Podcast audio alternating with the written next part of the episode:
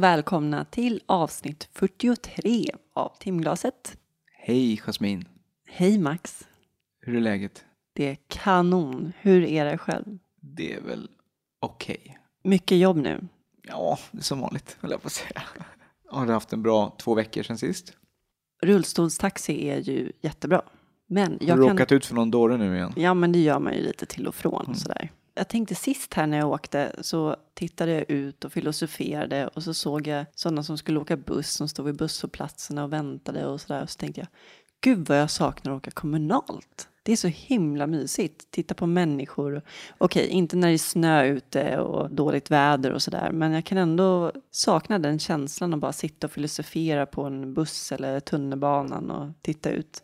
Jag håller med om allt du säger, men jag kan absolut sakna de tidiga morgnarna när jag stod och väntade på tåget i snöfall och man skulle till jobbet. Det är ju verkligen också något som jag känner, fan vad mysigt. Ja. Det är iskallt och man kan stå ut med kylan för det går att klä sig. Det är ju ganska ensamt på något sätt att åka rullstolstaxi. Liksom. Man sitter själv och Ja. man har ju chauffören också, men det är ändå sådär. Ja, men de flesta behandlar ju en som bagage, i alla fall om man åker buss känns det som. Ja, det är ett forslande in och ut liksom.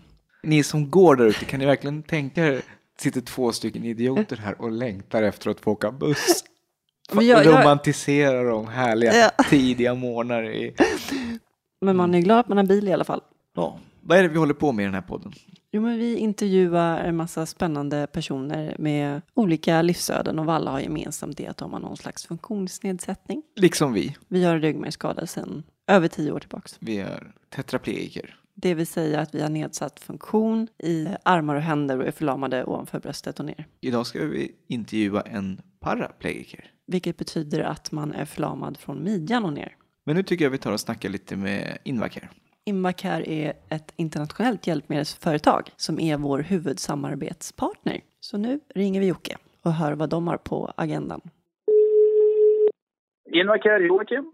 Tja Jocke, det är Jasmin här från timglaset. Ja men hej igen. Hur är läget? Det är alldeles utmärkt här. Då. Vad bra. Hur gick det på mässan i Västerås sist där? Ja, det var ju Fokus hjälpmedel där vi hade alla våra Invacare-produkter. Både Kersal, Topend och Invacare-produkter som vi visade. Det är uppskattat att komma ut utanför storstäderna här i Sverige. Att alla får möjligheter att prova, klämma, känna, klaga. Det är ju lika viktigt det och positiva saker kring alla våra produkter och särskilt då Kersal-produkterna. Ja, det är väl jättebra om man ska kunna utvecklas. Precis, och att alla ska få möjlighet att se vad som finns. Det är alltid superpositivt att vara ute och Mm. träffa folk. Jättekul. Vad händer härnäst då? Vi på Invacare är ute över hela Sverige. Det är alltid någon evenemang någonstans. Senaste som gäller just aktivstolar och kursal, då är det ju en utbildning, aktivt sittande för äldre, där det fokuserar på att fördelen med en aktiv rullstol för att förbättra vardagen för alla. Det låter bra, hörru. Ja, Vi säger så för den här gången helt enkelt. vi gör det. Så hörs vi snart igen. Ja, absolut. Ha det bra. Hej, hej. Ha det gott. Hej då!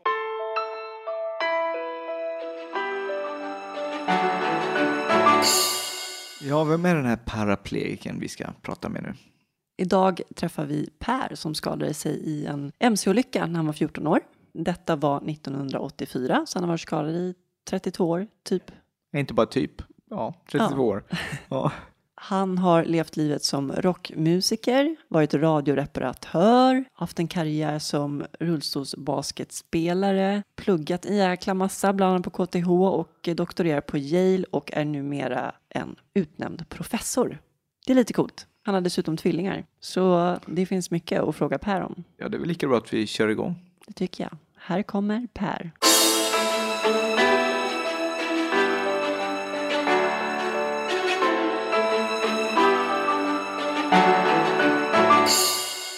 Välkommen till timglaset Per.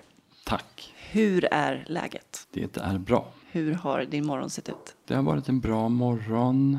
Som vanligt, vi lämnar barnen på dagis och idag så skulle vi tillbaka till vårt vanliga dagis. För under sommaren så har man nämligen buntat ihop alla barn på Kungsholmen till ett dagis. Alltså det har varit sommardagis, men nu är vi tillbaka i vanliga gängor. Du har tvillingar Jag har tvillingar, ja. som är fyra år nu. Precis eh, fyllt fyra faktiskt, den 3 juli. En pojke och en flicka. En pojke och en flicka. ja. Så det kan vara ganska mycket med morgonbestyren kan jag tänka mig. Ja, det är det absolut. Det börjar bli lite bättre nu. De kan klä sig själva och äta själva naturligtvis. Va? Men eh, det är mycket mana på. Liksom, ät nu. Och om man inte säger någonting då, ja, då börjar de göra andra saker. Och man vet aldrig riktigt när man kommer till jobbet. Men hur hinner man det? Alltså jag hinner ju knappt med mig själv på morgonen. Det är lite skillnad. Innan man får barn då, så kan man ju göra sig klart ganska snabbt och komma iväg till jobbet. Var man kan hoppa över vissa saker. Och så. Men nu så måste man ha viss tid på sig. Vi går väl upp ungefär en och en halv timme innan vi går hemifrån. Vart kommer du ifrån? Faktiskt är jag född eh, i Uppsala uppvuxen i Enköping. Sen så sökte vi oss upp eh, mot eh, Mora när jag var i skolåldern, började i skolan vid, vid sjuårsåldern. Och då hamnade vi först i Falun. Och där bodde vi i två år. Och sen så flyttade vi till Mora när jag var, blev tio år. Hur kommer det sig att ni flyttade runt så mycket? Ja, det var väl arbete. Det var väl många på den tiden också som sökte sig ner till Stockholm och skulle jobba lite. Mina föräldrar träffades nere i Stockholm och, och eh, sen då när de blev äldre så ville de väl söka sig hem till sina hemtrakter. Då. Hur var det att växa upp där då? Jo, det var bra. Mora är ju en liten stad på 25 000 invånare ungefär. Och det var ju tryggt och lugnt och säkert. Och alla känner alla och det var inga problem att cykla eh, hem och till skolan på dagarna och så vidare. Vad gör man för något då? Liksom? Vad har man för intressen? Och... Det fanns ju inte så mycket att göra om man inte var intresserad av skidåkning. Och... Men sen så var vi en generation där som höll på ganska mycket med musik. Så jag kom ganska tidigt in på att börja spela musik. Så redan vid tio års ålder så började jag spela gitarr. Och då var vi några kompisar på skolan där som startade ett rockband.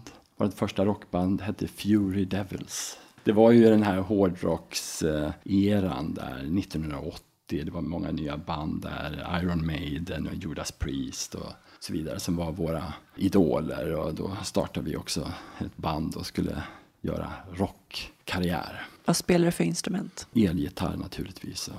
Vi började ju i musikskolan som många andra men det blev ju ganska snabbt rätt tråkigt med de här, vad, vad de nu hette, till Paris och man spelade sådana här små enkla låtar. Va? Men, och, men man ville ju att det skulle vara lite mer distat och man köpte elgitarr och så, så man slutade där och började ja, lära sig själv att spela gitarr helt enkelt. Hur gick det i skolan? Skolan var inget fokus för mig vid den tiden utan jag var väl en medelstudent kan jag tänka mig och eh, det var mest musik och kompisar och sånt som gällde då.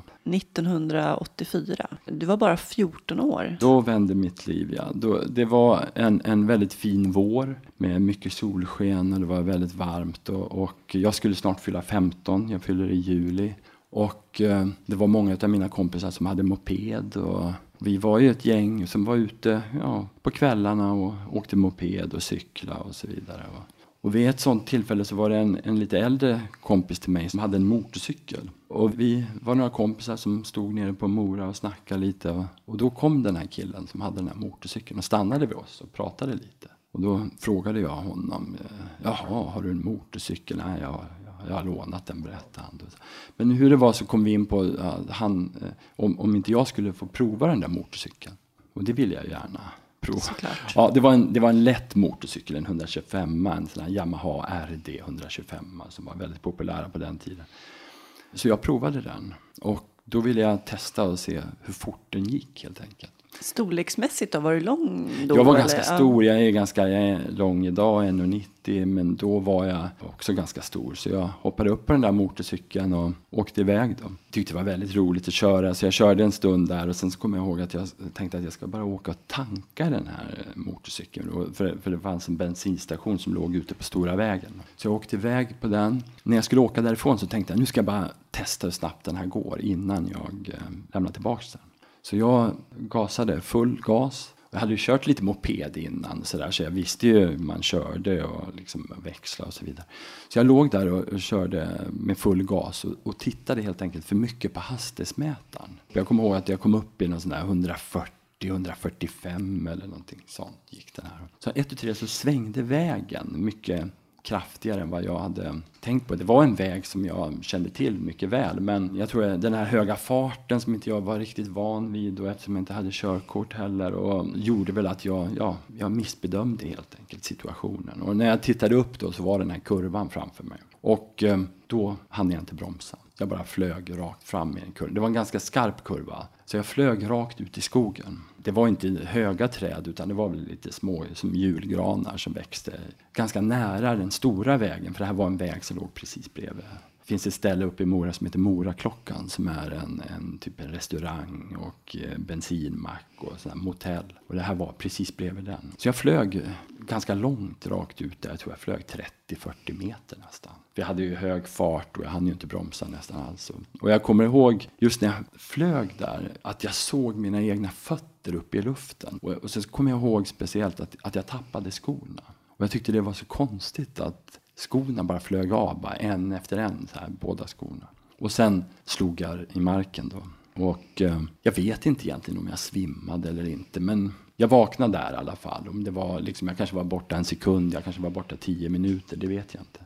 Då kommer jag ihåg att motorcykeln låg en liten bit ifrån mig, kanske tre fyra meter. Och jag kommer ihåg att den fortfarande gick. Va? Och bakhjulet snurrade så här. Den låg där och jag låg där. Och jag undrade liksom, vad var det som hände?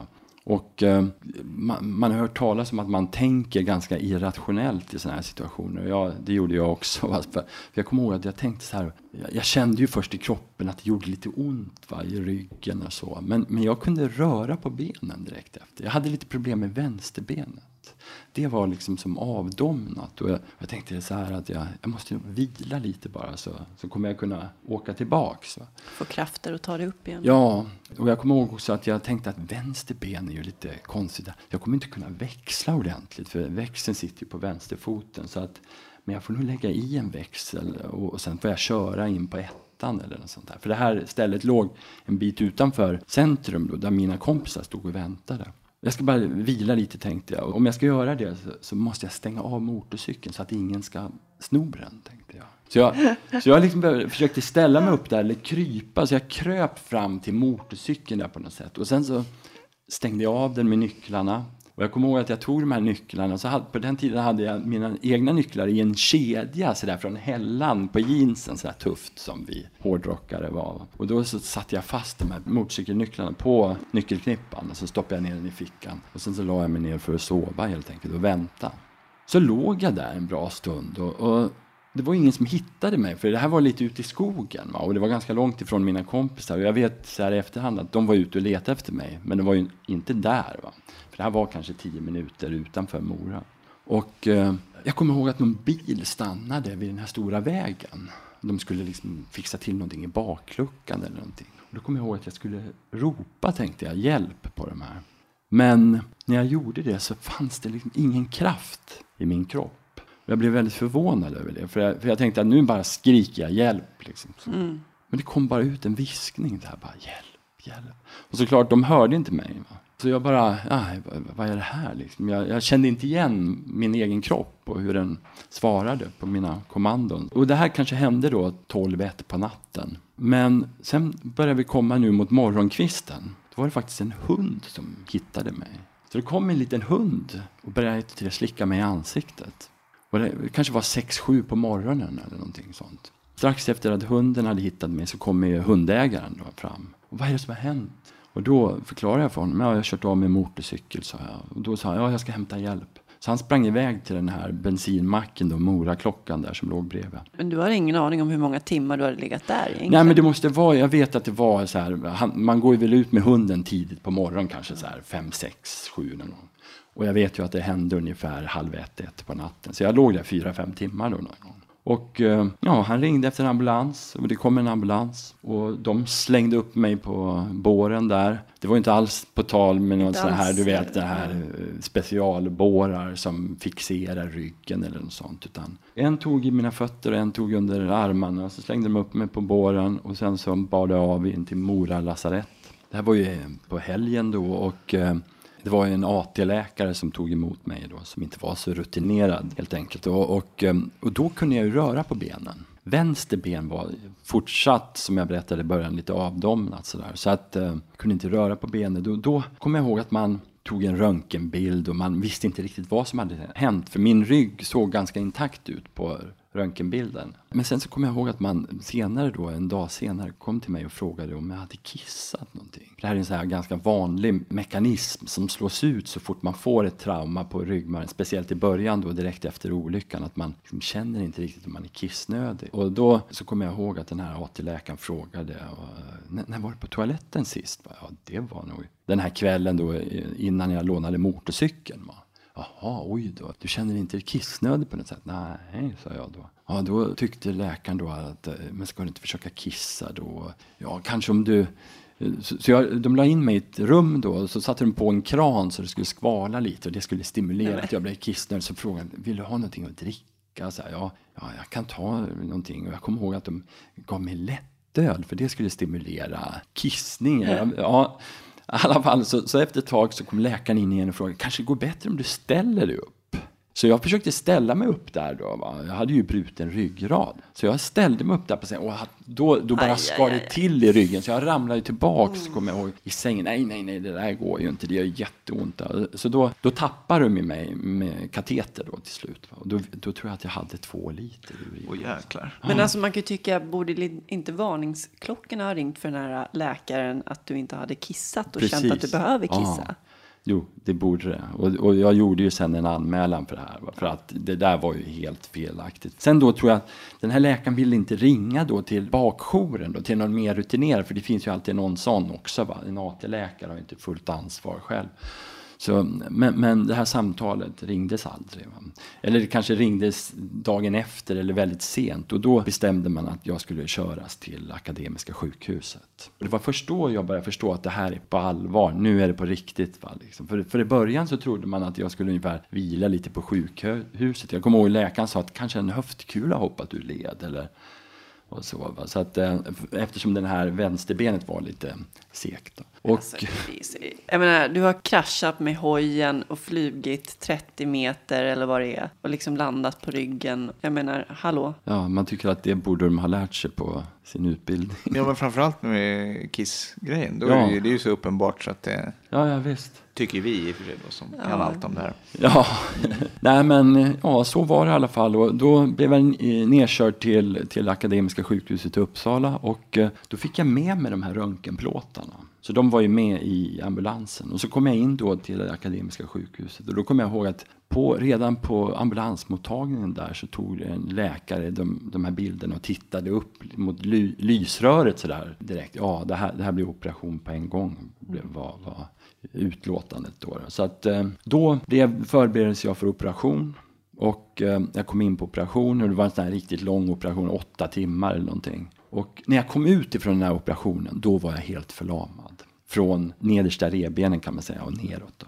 Men vad gick snett där? Antagligen var det så att eh, det var så många processer som aktiverades i ryggmärgen. Du vet, svullnad, ett immunförsvar mm. och sen plus att man var in där och rättade till med benflisor och tog bort och satte i Harringtons dag och sånt. Så, så blev det så irriterat. Va? Så att jag förlorade känseln nedanför den här och, och, funktionen nedanför den här nivån direkt efter det. Då. Så då kommer jag ihåg att när vi sen då när jag vaknade upp och läkarna kom in och kollade då om jag hade någon känsel och så här, för att de, min ryggmärg såg tydligen helt intakt ut. Då. Då blev de förvånade att det inte funkade för de trodde att, att det skulle göra det. Så då blev det en operation direkt igen typ eh, 24-48 timmar senare efter den första.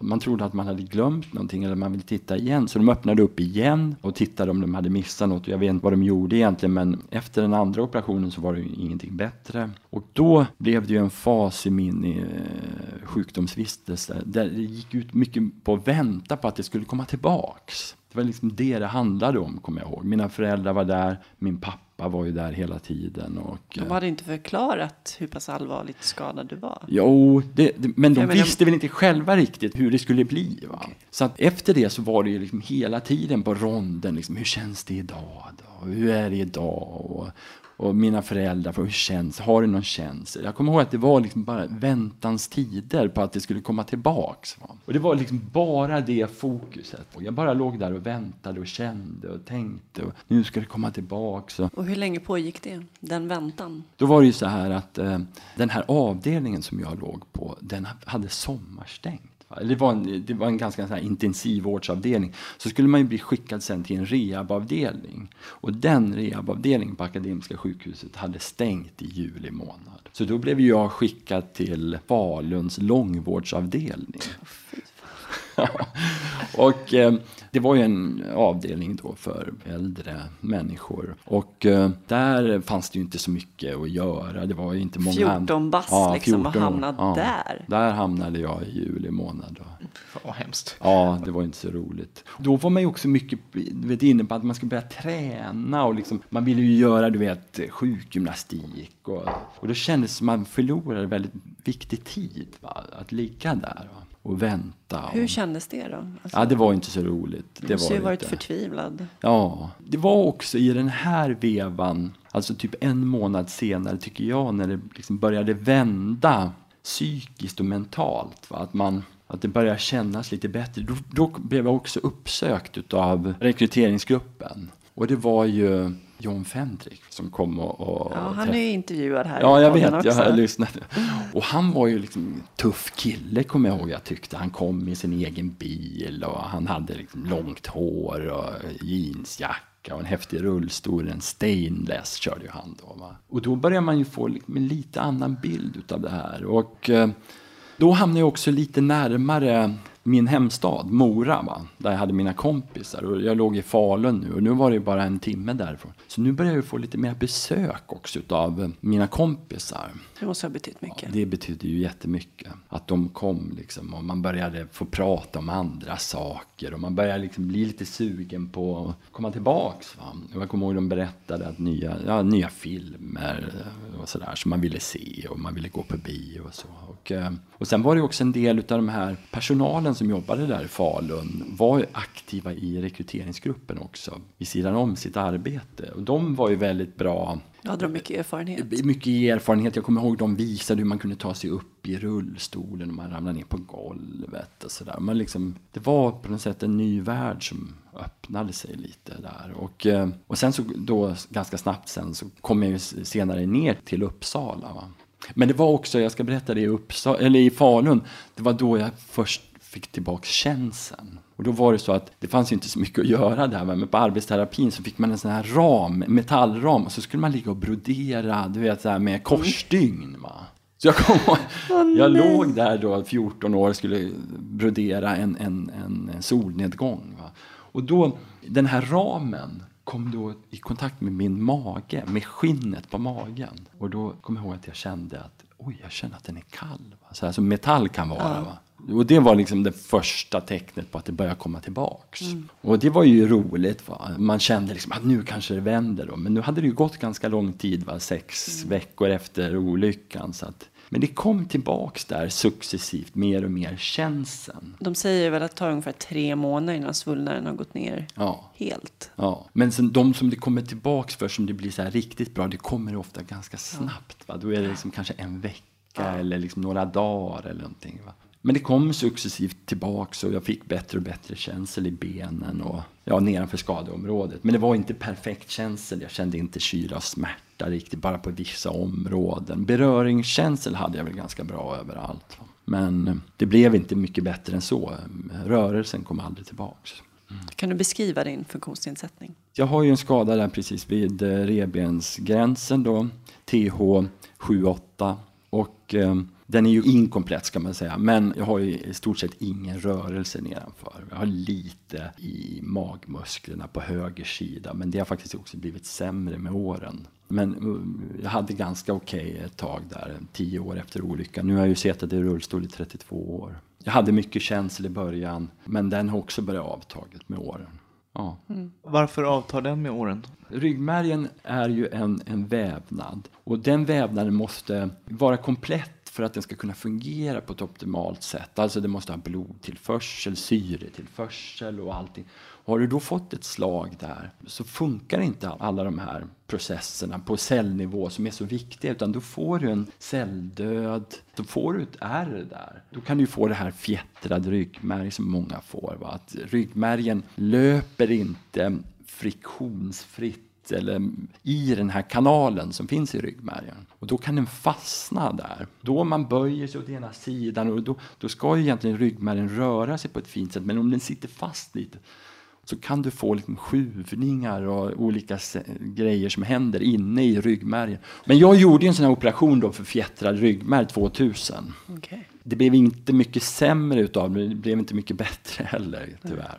Och mitt råd till alla andra ryggmärgsskadade är ju att låta bli och gå in och rota där i ryggen om det inte är ett absolut måste. Va? För att det är känsliga grejer att gå in där. Va? Jag tänkte på det, du kände att du fick lite mer känsel mm. när du höll på att sitta där och brodera och ha dig. Mm. Hur mådde du under den här perioden? Jo, det var så här att eh, jag var ju liksom lite nere naturligtvis. Va? Men eftersom man också är så där ung så tror jag inte att man tar det inte riktigt lika hårt. Va?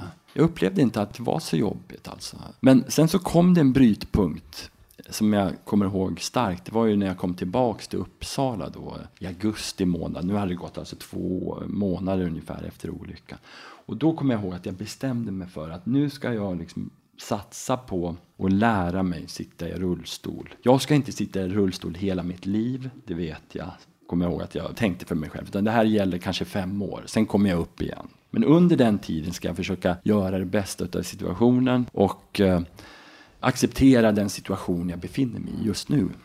Det var en slags brytpunkt i det. Jag tänkte inte så långt fram. Liksom. Utan jag tänkte mer att nu ska jag lära mig att köra på bakhjulen, jag ska lära mig att spela pingis, jag ska lära mig att, ja, allt vad det nu var. Va? Förflyttningar och och då började jag liksom fokusera på de här sakerna. Och då blev allting mycket lättare och roligare. Och på den tiden låg man ju ganska länge inne på sjukhus. Så jag låg inne ett halvår. Och eh, då fick man också gå ut på stan. Det ingick ju i rehabiliteringen. Så att vi gick ut på stan och köpte skivor och man gick på bio. Och, ja, man gjorde massa sådana saker. Hur var det att komma hem då? Jag kommer ihåg att jag försökte skjuta upp det där hela tiden. Va? Läkarna sa att det är nog dags för dig att åka hem nu. Ja, bara, jag vill nog stanna en, en vecka till och sådär vad man höll på.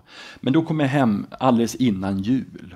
Och eh, då hade jag liksom blivit ganska aktiv och trivdes med, med, med, min situation. Jag kommer ihåg att mina föräldrar då hade köpt ett, ett tv-spel till mig i födelsedagspresent, eller i julklapp. Och det här var ju julen 1984 och jag blev så kränkt över att få det där tv-spelet. För jag tyckte liksom att, vad tror ni liksom, att jag ska sitta hemma och spela tv-spel nu? Så det där fick de ta tillbaks, lämna in. Och så pengarna, för det var ju dyrt, liksom, det var en jättefin present, en stor uppoffring för mina föräldrar. Så då fick jag pengarna och då köpte jag en stor stereo istället. Jag in på mitt rum och spelade äh. hårdrock. Va? För då skulle jag börja spela igen i mitt rockband och sådär. Och mina kompisar, jag upplevde inte att det var något problem. Liksom, att jag satt i rullstol. Så där. De var ju jättebra verkligen. Va? Och tog med mig på allt. Och så här. Jag kommer ihåg i början så ville jag inte riktigt. De ringde liksom, ah, men nu ska vi på bio. Liksom, ah, men jag, jag har ingen lust. Men kom igen nu. Liksom. De drog verkligen med mig i början där. Några få gånger. Och då var man ju liksom inne i det sen. Va? Så kompisarna är ju jätteviktiga. Va?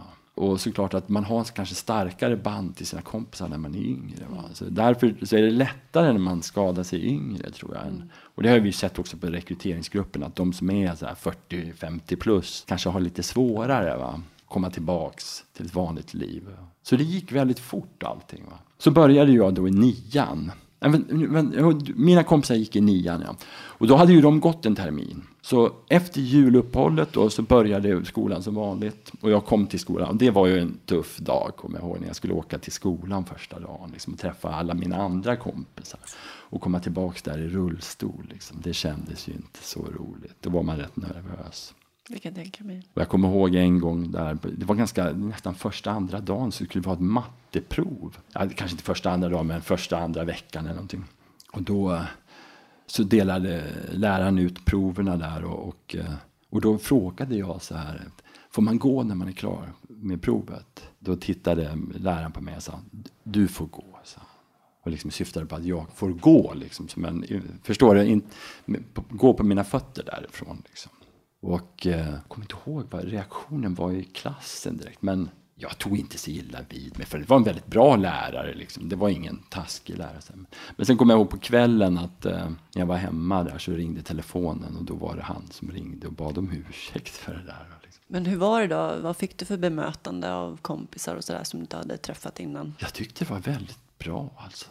Det enda som var dåligt kan jag säga, det var gymnastiken kommer jag ihåg. Att det kom någon, någon hurtig lärare i gymnastikoverall ungefär som, ja nu ska vi ha gymnastik med dig. Liksom. Han visste ju ingenting vad man skulle, hur man skulle aktivera någon i rullstol. Så jag fick liksom, ja nu kör du ett varv runt huset här. Så skulle jag köra, så skulle han ta tid liksom. Och försöka, jag får det där att bli liksom roligt på något sätt. Men det var ju dötrist. Tyckte ju han och det tyckte jag också. Och sen så spelade vi lite pingis och, och sen så rann det där ut i sanden. Kommer jag ihåg. Det blev ingen gymnastik. Va? Efter gymnasiet då, vad var nästa steg? Nästa steg eh, var ju då att eh, jag höll ju på med musiken och spelade väldigt mycket. Och, och vi var ute och spelade på barer och restauranger. Eh, till slut började vi spela sådana här coverband. Va? För att det var ju svårt att få spelningar när man spelade hårdrock. Och mm. jag började sen också jobba som radioreparatör efter gymnasiet. För att när jag skadade mig där så fick jag inte så bra betyg under nian. För jag var ju borta hela nian, eller halva nian. Men då fick jag välja vilken utbildning jag ville. Liksom, utan, jag behövde inte söka på mina betyg. Så då valde jag el-tele för jag var väldigt intresserad av tele och laga radioapparater och elektronik och så. Så jag satt på deras huvudkontor och lagade radioapparater i två, tre år. Det var då som jag eh, en dag liksom låg och tänkte så här, hur, hur, vad ska hända med mitt liv? Det var en sån där natt när man ligger och inte kan sova. Men jag var inte stressad över att jag inte kunde sova, utan jag bara låg och tänkte sådär, va? ja, hur ska jag göra med mitt liv? Och då kommer jag ihåg att jag tänkte liksom att min kropp funkar inte som för andra. Va? Jag måste eh, göra någonting där för att använda mitt huvud. Och jag visste ju att min pappa alltid hade velat bli civilingenjör, för det hade han berättat för mig, eller jag hade läst i en bok. Och, och eh, tänkte att ja, men jag kanske ska bli civilingenjör då. Så nästa dag så ringde jag, eh, några av mina kompisar hade flyttat till Stockholm, så jag var också lite sugen på att komma till Stockholm. Eh, och jag var 18 år. Och eh, då ringde jag ner och, och kollade upp vilka komvux som, som fanns, för det här var innan internet och så. Och då fick jag tag på Gullmarsplans komvux. Och jag ringde till KTH också då och tog en sån här broschyr, bad dem skicka hem en broschyr om civilingenjörsutbildning. Så jag kollade vad som behövdes.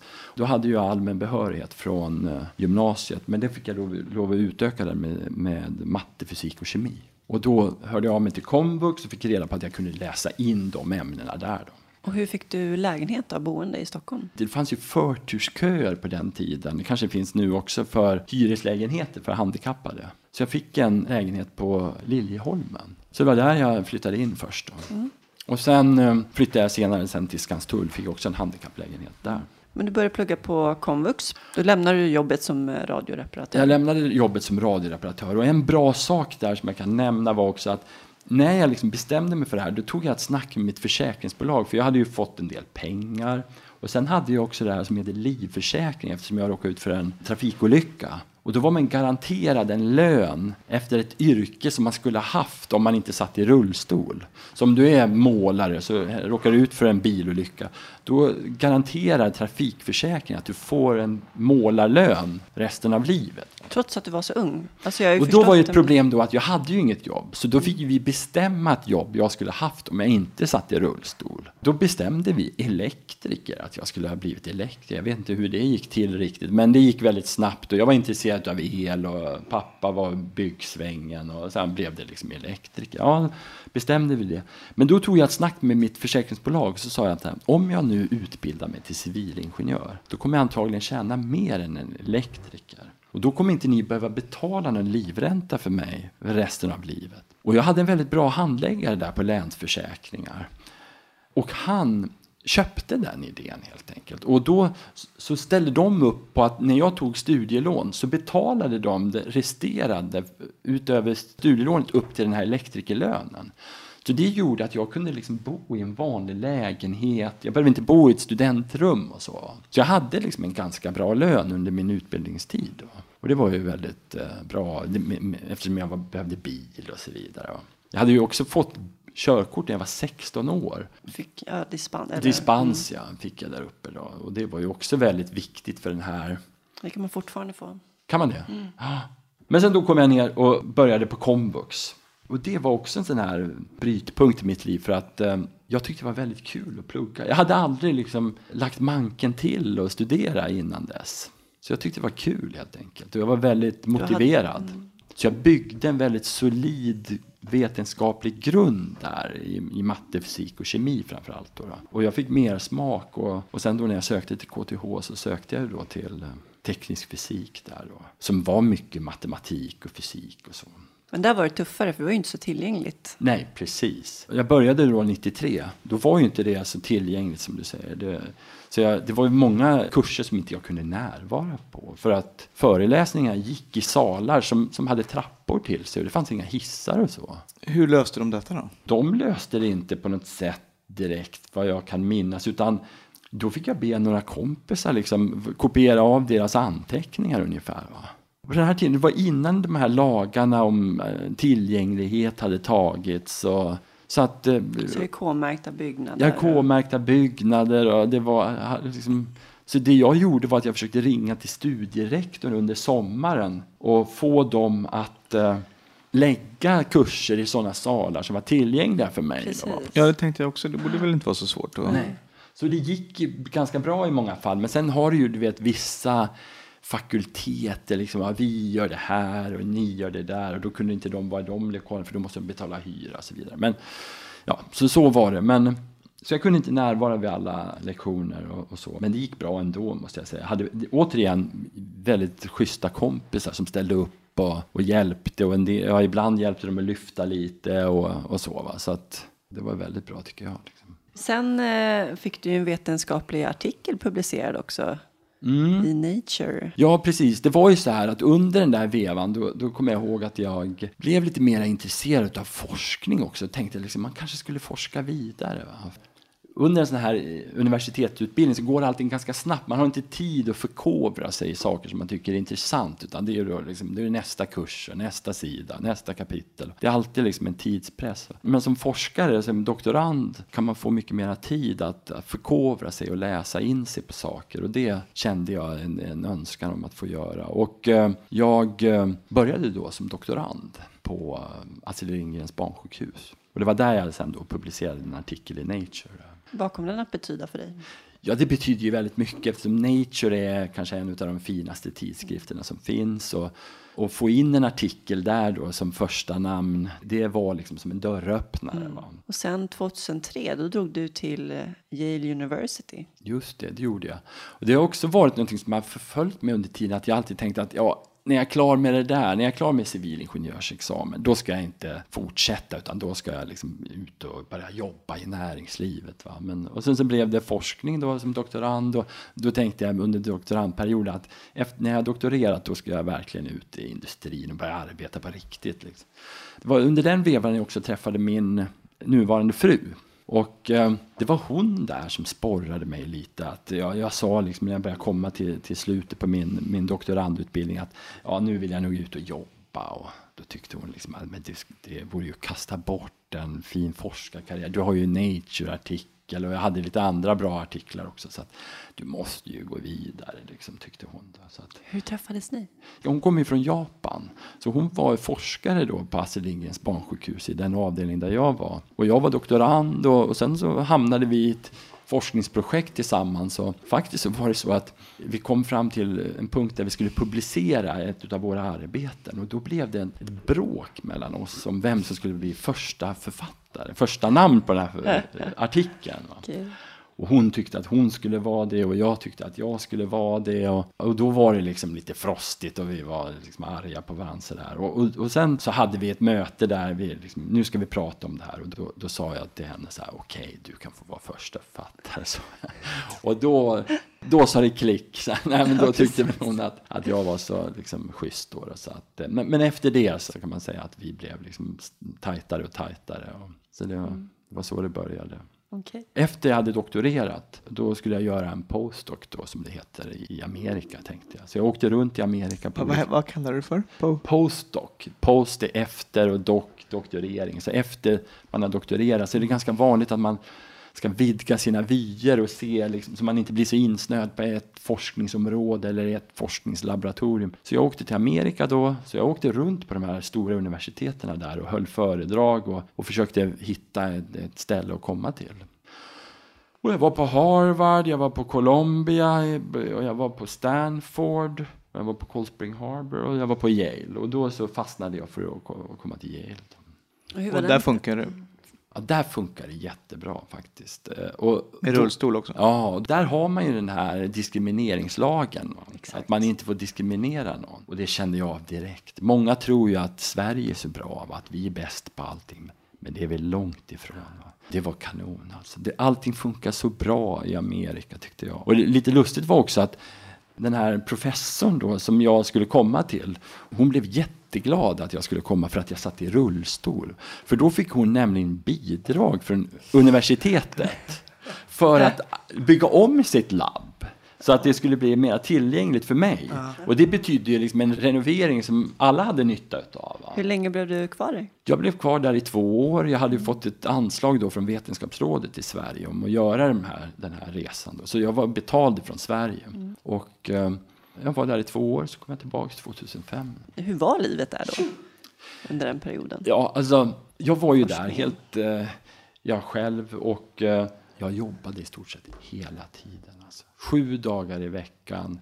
Men jag trivdes väldigt bra med det. Det var, det var ett väldigt enkelt liv. Jag bodde i en lägenhet, jag hade liksom allt jag ägde och hade, fick plats i två resväskor. Och, nej, jag trivdes väldigt bra. Det var en väldigt bra tid i mitt liv. Och sen beslutade du dig för att komma tillbaks? Ja, 2005 då så kom jag tillbaks. Och då blev jag kontaktad ganska snabbt utav en annan forskare på Karolinska institutet då, som ville rekrytera mig till deras enhet. Så jag fick ett erbjudande om att starta en egen forskargrupp. Så jag tackade ju naturligtvis ja till det och började då min egen forskargrupp 2006 på Karolinska institutet. Och vad forskade du om då? Då började jag forska om cancer. Så idag forskar jag om cancer och utveckling kan man säga. Hur har du själv förhållit dig till det här med ryggmärgsskadeforskning och hela den biten? Liksom med att, Till en början så kände jag kanske att jag ville liksom hålla lite avstånd till det. Va? Eftersom jag, det blir lätt hänt att man liksom sitter och pratar, vi säger att jag håller en föreläsning och så berättar jag om den här liksom patientgruppen och så tillhör man den patientgruppen själv. Det kan ju vara en styrka naturligtvis, för man har ju väldigt bra insikt i det. Men det kan ju också vara, det är liksom lätt hänt att man nästan börjar prata om sig själv och det blir nästan för privat. Liksom. Men jag har kommit in på den lite. Jag håller på lite med ryggmärgsskadeforskning också. Eftersom jag naturligtvis är ganska intresserad av det. Va? Händer det något kul där då? Ja, det gör det väl. Det händer en del roligt, tycker jag. Det, det som är, som jag tror är det mest spännande, det är väl egentligen de, den här akuta fasen direkt efter skadan. Där tror jag att eh, det finns mycket att göra och mycket kommer att hända inom en snar framtid. För, för det är nämligen så att ofta när man får en skada så startar massa negativa processer direkt därefter som i, i många fall faktiskt är värre än själva skadan i sig. Och det har vi ju sett att det har blivit lite bättre på senare tid. Vi har mer och mer inkompletta skador. Exakt. Och det är just för att man har förbättrat sig där. med kunskap om akutvården och Ja. hur man ska hantera. Hur man tar hand om ambulanspersonal, att man ska fixera ryggmärg och att man ger vissa mediciner. Det fanns ju ett tag, jag vet inte hur man gör idag, men att man gav väldigt mycket kortison ett tag för att bromsa upp olika saker. För det är ju så att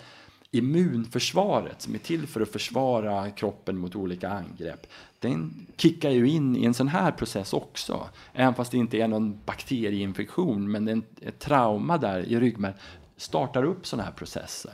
Och de bryter ner vävnaden och förstör. Va, för. Och det var troligtvis det som hände för mig.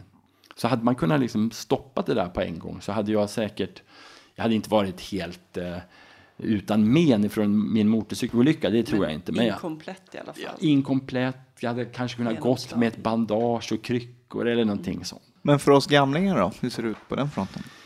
Ja, det här tror jag tyvärr att det är ganska mörkt. Jag vill inte vara så negativ, men liksom de här lösningarna som kommer upp. Jag tycker att forskningen, det vet ni ju ni också som sitter i rullstol, att den är så himla fokuserad på att få, få igång gången. Och det är ju det som vi kanske listar kanske först på tionde plats som vi ska säga de viktigaste sakerna. Va? Men de här forskarna då som håller på med det här, de är ju ofta gångare själva. Och folk som inte har riktig inblick i det här, de är så himla fokuserade på upp och gå va, på en gång. Och det är lite tråkigt tycker jag, liksom, att, att forskningen har blivit lite väl inriktad. Och det är ju då det blir uppmärksammat. När det kommer på tv om ryggmärgsskadeforskning så är det ju alltid så får man se någon, någon som stapplar fram på några kryckor och liksom oj vad fantastiskt. Va? Vi vet ju, det är ju inte så vi vill leva våra liv. Vi skulle vilja få tillbaka de här andra funktionerna. Det är så praktiskt idag med rullstol. Va? Det funkar ofta, det finns hissar och det finns man kan flyga. Och jag menar, det är massor med olika saker som fungerar ganska bra. Men det är de här osynliga handikappen som känns viktigare. Precis. Och nu för två år sedan blev du utnämnd till professor också. Just det. Och troligen Sveriges första ryggmärgsskadade. Ja, Tror jag vi. tror det. Jag tror att jag är den första ryggmärgsskadade. Det finns någon ut. som sitter i rullstol som kanske haft polio eller någonting. Jag vet inte. Men jag är nog den första ryggmärgsskadade som, som... Vad är din titel? Professor i? Jag är professor i cellsignalering kan man säga. Det är ett ganska krångligt namn, långt så här som jag nästan inte själv kan. Va? Men det är cellsignalering och just hur man mäter de här signalerna. När man blir professor så, det som är härligt med det, det är ju det att man får en fast tjänst. För att ända fram till just det steget som forskare så är det väldigt osäkert man lever. Eller man har sällan en, en fast tjänst utan man har eh, ekonomiska bidrag som kanske sträcker sig tre eller fyra eller fem år fram i tiden. Och då när, efter en sån här femårsperiod så måste man söka pengar igen. va. Men när man får, blir professor då, då är man fast anställd. Ja, det måste vara trevligt. Ja, det, det är väldigt trevligt. Och, och sen är det ju en väldigt fri tjänst. Alltså man går, eh, I mitt yrke så, så bedöms man ju väldigt mycket på vad man presterar. Så i princip skulle man kunna arbeta en timme i veckan om man presterade fantastiska resultat. Va? Då tänker jag bara, har du läkarrock? Nej, det har jag inte. Jag bara, hur funkar det med stolen? Ja. Verkar jätte... Ja, det Då funkar får inte man bra. anpassa någon rock då. Nej, men de är inte gjorda för att sitta. Det är ungefär som att sitta i kavaj, ni vet. Det, Oh, tack. ja, det, det, Det är man omöjligt. inte göra. Du har ju en lång eh, rullstolsbasketkarriär också. Får vi inte glömma i allt annat Mm. Nej. som du har gjort Precis. i livet. Och den tror jag också haft lite betydelse för min utveckling, eller för min karriär, det här att jag har blivit professor och så. För att när jag kom ner till Stockholm då, flyttade ner hit 1991 tror jag det var, då började jag spela rullstolsbasket.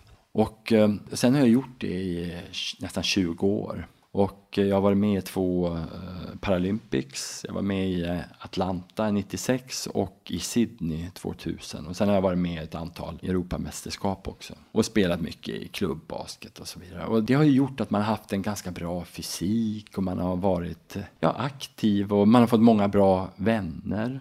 Och det har betytt väldigt mycket också för att integreras tror jag i ett, normalt liv. Alltså för man, man ställs ju för många utmaningar. Alltså man har varit ute och flugit väldigt mycket genom basketen till exempel. Och det gör ju att man pushas och tränas och man ser de andra hur de som har större erfarenhet beter sig och man lär sig tricks. Och, och sen har man också fått upp en ganska bra disciplin genom basketen och liksom alltid komma på träningar. Och, Jag förstår inte hur du hann med allting där när du pluggade på KTH och du höll på med rullstolsbasket. 1995 då, när jag blev uttagen då för att vara med i OS 1996, då gick jag ju på KTH och jag pluggade ju jättemycket där, nästan alltid. Va?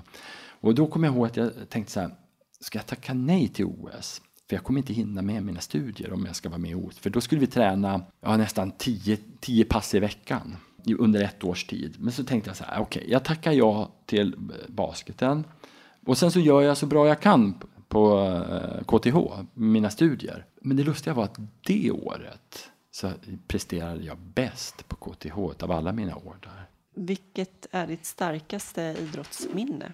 Mitt starkaste idrottsminne är nog 1999 när det var EM i Holland. Och eh, de fem första platserna under EM kvalificerade sig till OS i Sydney. Och då krigade ju Sverige då för att få en plats bland de fem bästa. Och vi lyckades ta, jag, jag kommer inte ihåg nu vi kom, vi kom nog femma tror jag. Och jag fick också spela väldigt mycket. Det var liksom det året som jag kanske började få lite speltid i landslaget fram till dess, jag började landslaget 1993, men fram till dess så hade jag sett, sett mest på bänken. Då. Men 1999 då fick jag börja spela mer och, eh, och det var ju vansinnigt kul att vinna det och, komma, och sen också kvalificera sig då för, för OS i Sydney. Men jag tänkte att vi skulle komma in lite mer på också att du har tvillingar och eh, hur det gick till, Mm. helt enkelt. Det var ju så att eh, när eh, jag kom tillbaks där från Amerika och jag och min eh, nuvarande fru flyttade ihop så började vi prata om om vi skulle bilda familj. För att vi skulle kunna göra det så fick vi lov att eh, använda oss av IVF, då, provrörsbefruktning. På grund av ryggmärgsskadan? Ja, på grund av ryggmärgsskadan helt enkelt. Och eh, då började vi den processen. Och det var ju en ganska lång och jobbig resa.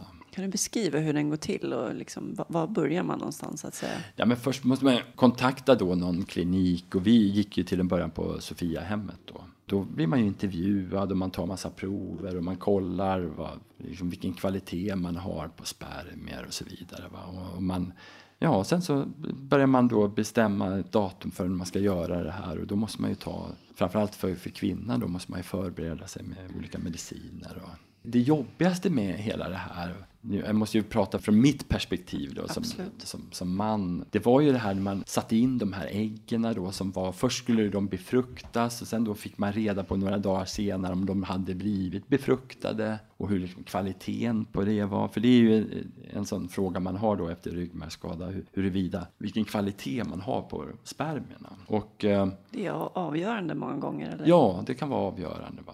Och då är man ju väldigt nervös när man ska få de här samtalen. Man går och träffar lä- Funkar det eller funkar det inte? Och sen då skulle man sätta in de här befruktade äggen. Så ska man se då om det blir man går vidare och blir gravid. Va? Det var eh, känslomässigt väldigt jobbigt helt enkelt. Det kan jag verkligen tänka mig. Ja, och man hoppas och sen så, nej det blev inte. Och, man, och sen då när man har gjort det här några, några gånger, vi försökte också i olika länder. Vi åkte, vi, först var vi i Sverige en period och sen, eftersom min fru är från Japan, så provade vi också i Japan. Det var ju också en upplevelse i sig, för det var ju ganska annorlunda. Och, Varför skulle det göra någon skillnad då? det är ju så här, inom den här branschen med IVF så finns det väldigt många olika skolor och teorier vad som är bäst och inte bäst. Va? Och vissa kliniker gör på ett sätt och andra kliniker gör på ett annat sätt. Och, du vet, de rekommenderar kanske säga nu tycker jag inte att vi ska fortsätta, sa de. Vi gjorde tre gånger tror jag på Sofiahemmet. Så hur vi lång ville- tidsperiod är det när man har gjort det tre gånger? det kanske man kan göra var tredje månad, så tar det nio månader säger vi då. va. Då är frågan, ska vi då kontakta en annan klinik i Sverige då? Eller ska vi liksom söka oss utomlands? Och alla de här klinikerna har olika statistik på hur bra de är och hur de gör och hur mycket de förbereder och det ena med det tredje. Så vi kom fram till att, min fru är ju läkare, så hon hade ju då en läkarkollega som jobbade på en sån här klinik i, i Japan, i Tokyo. Och det var den största kliniken i hela världen som gör de här sakerna. Så då tänkte vi att ja, vi ska kolla med dem. Då. Så då var vi där och, och gjorde där. Och, ja, och sen så provade vi med andra länder senare också i Europa. För det blev väldigt krångligt att flyga till Japan då. Det var en väldigt lång och jobbig resa, resa, ja, kan- för att göra de här ingreppen och det blev väldigt dyrt allting. Va? Och man fick lov vara borta mycket längre. Och, så vi provade ju också i Tjeckien och sen så provade vi också i Ryssland. Och, ja, alltså vi, det var en resa som vi höll på i vad säger jag, från 2000, ja, sju år ungefär. Åh, herregud. Hur påverkar det er relation, tänker Ja, jag? det, det påverkas ju också av det här. Va? Man, vi liksom levde ju med det här för att eh, all vår semester gick åt till de här resorna och de här grejerna. Va? Vi, vi, hade liksom inte, vi kunde inte vara med varandra. Det handlade hela tiden om det här att planera olika medicin och protokoll. Och, Adoption då, var det på tal någon gång? Ja, det var också på tal och, och det fanns också där som ett alternativ. Va? Och så här i efterhand så kan det låta ganska enkelt, va? men när man är mitt uppe i det här så finns det väldigt många valmöjligheter. Va? Ja, det fanns adoption, det fanns de här olika klinikerna och sen så kostar det väldigt mycket pengar. Man håller hela tiden på och funderar på hur man ska fatta beslut. Vad ska vi göra det? Eller ska vi göra det? Eller ska vi göra det? Och det var, det var en jobbig period helt enkelt. Och, men det gick ju tydligen bra. ja, det gick ju bra till slut. Då. Vi blev ju gravida också en gång under resan där och, och, och fick ett missfall. Oj, det måste varit ett rejält bakslag. Ja, det var ett rejält bakslag. Jag kommer ihåg, jag var liksom min fru ringde mig och sa liksom att eh, hon hade fått missfall. Liksom, hon var på jobbet och ja, det, var, det kändes ju liksom botten verkligen. Va? Sen var det också det här, ett annat beslut som vi hela tiden liksom vilade över oss. Det var ju att vi skulle säga stopp, nu räcker det. Ja. Nu gör vi inte det här igen. Och det beslutet låg ju till mestadels hos min fru eftersom det var hon som verkligen fick liksom genomgå allt det här. Va? Men, men sen då så blev vi gravida då, 2012. Beskriv hur det var när ni kom dit och fick Ja, då hade vi hittat en privatklinik som låg nere på Strandvägen i Stockholm. Så vi gick dit då, då och skulle kolla med ultraljud. Vi, vi visste ju att vi hade fått ett positivt utslag på de här gravtesten. Då. Så vi gick dit och kollade då till den här och då gjorde man ultraljud. Då ser man ju det här hjärtat det slår. Det är en liten prick som bara blinkar fram och tillbaka. Åh, liksom. häftigt. Och då såg vi att det var två. Liksom. Till en början så blev vi ju först besvikna. Va? Nej, liksom, blev det tvillingar? För det, vi, vi ville inte ha tvillingar. Va? Vi hade hela tiden satt in ett ägg hela tiden. Vi hade också hört att det fanns mycket större risk för missfall om man sätter in två. Va? Okej. Så det är bättre att sätta in ett två gånger än att sätta in två samtidigt. Va? Så vi liksom blev oroliga att vi skulle få missfall och sen så tänkte vi, åh vad jobbigt att ha med tvillingar. Liksom. Då började en ny resa va? Och, och försöka, och det illamående och allt vad det innebar. Och, och huruvida man skulle fortsätta att jobba. Min fru är kirurg och har ett ganska tufft jobb. Man ska stå, ibland står man i 6-7 timmar och gör en operation. Och hur länge skulle hon fortsätta att jobba och så vidare. Om allting går eh, normalt så ska den födas vecka 42. Och eh, då i vecka 32, en morgon, så knackar min fru mig på axeln när vi låg och sov. Där. Du, det kommer vatten, säger hon. Va, sa jag. Stäng fönstret, kommer jag ihåg att jag sa. Nej, inte där. liksom. Ja, så då bara oj, och upp och vi kastade oss upp där. Jag ringde till barnmorskan. Liksom, det kommer vatten. Ja, men kom in. Liksom. Så att vi fick ju inte med oss någonting. Vi hade ju inte packat någon väska eller sådär. Va? Jag tog med mig kameran bara. Sen så åkte vi in till, till Karolinska sjukhuset. Så blev vi ju um, inlagda då på förlossningen där. Och jag själv är ju född den 5 juli och mina barn föddes då den 3 juli. Jag vet att min fru tänkte att hon skulle försöka hålla inne dem till 5 juli så vi fick samma födelsedag men det gick inte. Och det gör absolut ingenting naturligtvis. Men eh, de föddes då eh, den 3 juli. Och det var liksom också en, en chock, va? en ny värld som öppnade sig och man blev förälder. En pojke och en flicka, vad heter de? De heter Julia och Elias. De utmanar er aldrig så att de smiter iväg? Och... Jo, det gör de Ja. faktiskt. Ja, du kan inte ta mig, säger de. Och sen så hoppar de upp eh, ja, i sängen eller någonting där det blir lite svårare för mig. Va? Det, det gillar de att, att göra. Liksom. Och de, de är väldigt observanta, speciellt min dotter, på att eh, vissa saker som inte jag kan göra. Så där. Ja, ja, det kan inte du följa med pappa om det är en trapp eller något sånt där. Hon har liksom väldigt bra koll på vad jag kan och inte kan. Vad är det bästa med att vara pappa då? Det är väl just att vara pappa. Det är att eh, man, man, man flyttar lite fokus från sig själv. Man får en annan centralpunkt i livet än vad man hade innan. Innan man har barn så är man själv i centrum hela tiden. Och det där kan vara lite jobbigt va, efter ett tag. Ja, liksom om jag tänker nu till exempel, att vad, vad vi ska flytta, om vi ska flytta till en ny lägenhet. Förut så var det bara ens eget behov man tänkte på. Jag ska nära till tunnelbana eller jag ska nära till en restaurang eller vad det nu är. Va? Men nu när man har barn då får man tänka utifrån deras perspektiv och det tycker jag är befriande på något sätt. När fick du beröm senast? Vilken fråga. Uh, kanske var i helgen. Jo, men jag fick ut av min, mina, mina barn. Jag tror att det var, jag skulle hjälpa dem med ett eh, pussel. Du tyckte du gjorde ett bra jobb? Ja, då tyckte hon att jag var så duktig när jag satte ihop tre, fyra bitar väldigt snabbt. Vad duktig du är pappa. Vad gör dig lycklig och vad betyder lycka för dig? Ja, men det har nog också med mina barn att göra faktiskt. När, jag, när man får de där stunderna, när man liksom connectar med sina barn och, och känner att man har liksom ett, eh, stark koppling till dem och man gör någonting roligt tillsammans. Då får man den här genuina lyckokänslan. Att man vill liksom bara stanna upp i stunden och njuta. Vad betyder frihet för dig? Ja, frihet betyder ju mycket.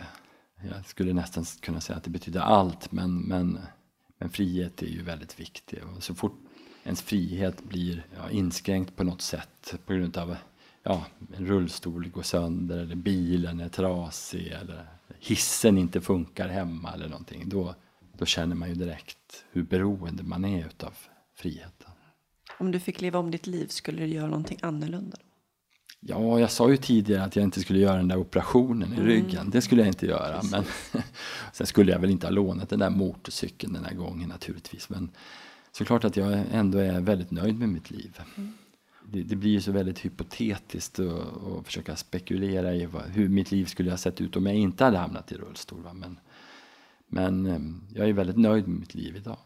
Vad skulle du vilja säga till någon som inte har någon erfarenhet av personer med olika funktionsnedsättningar?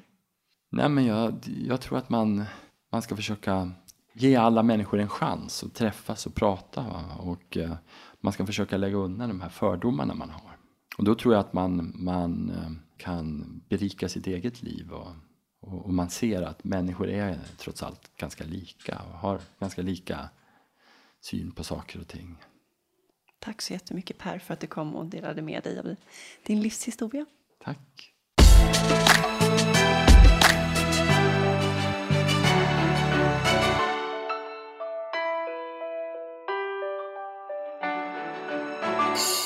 Efter intervjun så påpekade ju Per om det här kring utbildning, hur viktigt det är. Vad har du för utbildningar egentligen Max? Jag har en gymnasieutbildning på Filmgymnasiet i Visby och sen har jag ett års filmvetenskap. Nej, det ljög jag. Jag har ett halvår för jag hoppade av. Och eh, ett års historia. Och sen tre år på Dramatiska institutets filmklipparutbildning. Har du känt i ditt eh, yrkesliv att det har varit viktigt att ha den utbildningen? Ja, det var viktigt. För Men- självkänslan också? Absolut. Ja, men jag tror att det är lite som jag diskuterat tidigare, att det nästan kanske kan vara ännu viktigare när man har en funktionsnedsättning. Att man har en ordentlig utbildning Ja. i botten.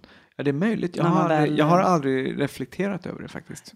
Då är det viktigare att klä sig snyggt och inte komma i mjukisbyxor med smutsiga lår. Jag är ju självlärd i väldigt mycket också. Man blir nyfiken och snöar in på grejer och sådär och lär sig genom det. Jag har ju gått medieutbildning på gymnasiet. Den liknar lite av en yrkesutbildning, Riddarfärdsskolans medieutbildning. Den var jättebra faktiskt. Riktigt schyssta lärare. Det betyder ju väldigt mycket. Särskilt när man behöver vissa specialhjälpmedel, som jag gjorde i alla fall när jag gick i mediegymnasium. Du gick ju popljusjournalist. Ja, Var den anpassad? Ja, jo, men det var anpassat. Då i alla fall. Nu har de ju flyttat från eh, Vallalavägen till eh, Söder, så nu vet jag inte hur det är, men då funkar det bra. Hur var tillgängligheten på DI då? Det var så att de kallade in mig på ett möte innan jag började, innan sommaren. Och sen så satte de dörröppnare över halva jävla skolan.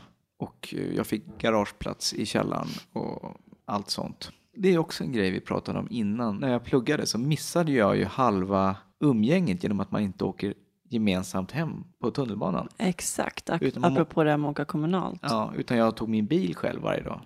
precis. Det är ju som det. Det är ju bara att acceptera. Man kan ju sitta hemma också. Liksom. Kul. Har du pluggat något mer på högskola och sådana där grejer? På universitet i San Diego. USA är ju drömmen när det kommer till tillgänglighet. Ja. Alltså, det är ju inget snack om att man ska kunna ta sig fram överallt som russosburen. Bra bemötande, alla är så artiga och hjälper gärna till liksom och sådär. Så att det var kanon. Det var en bra erfarenhet. Men det räckte med ett läsår.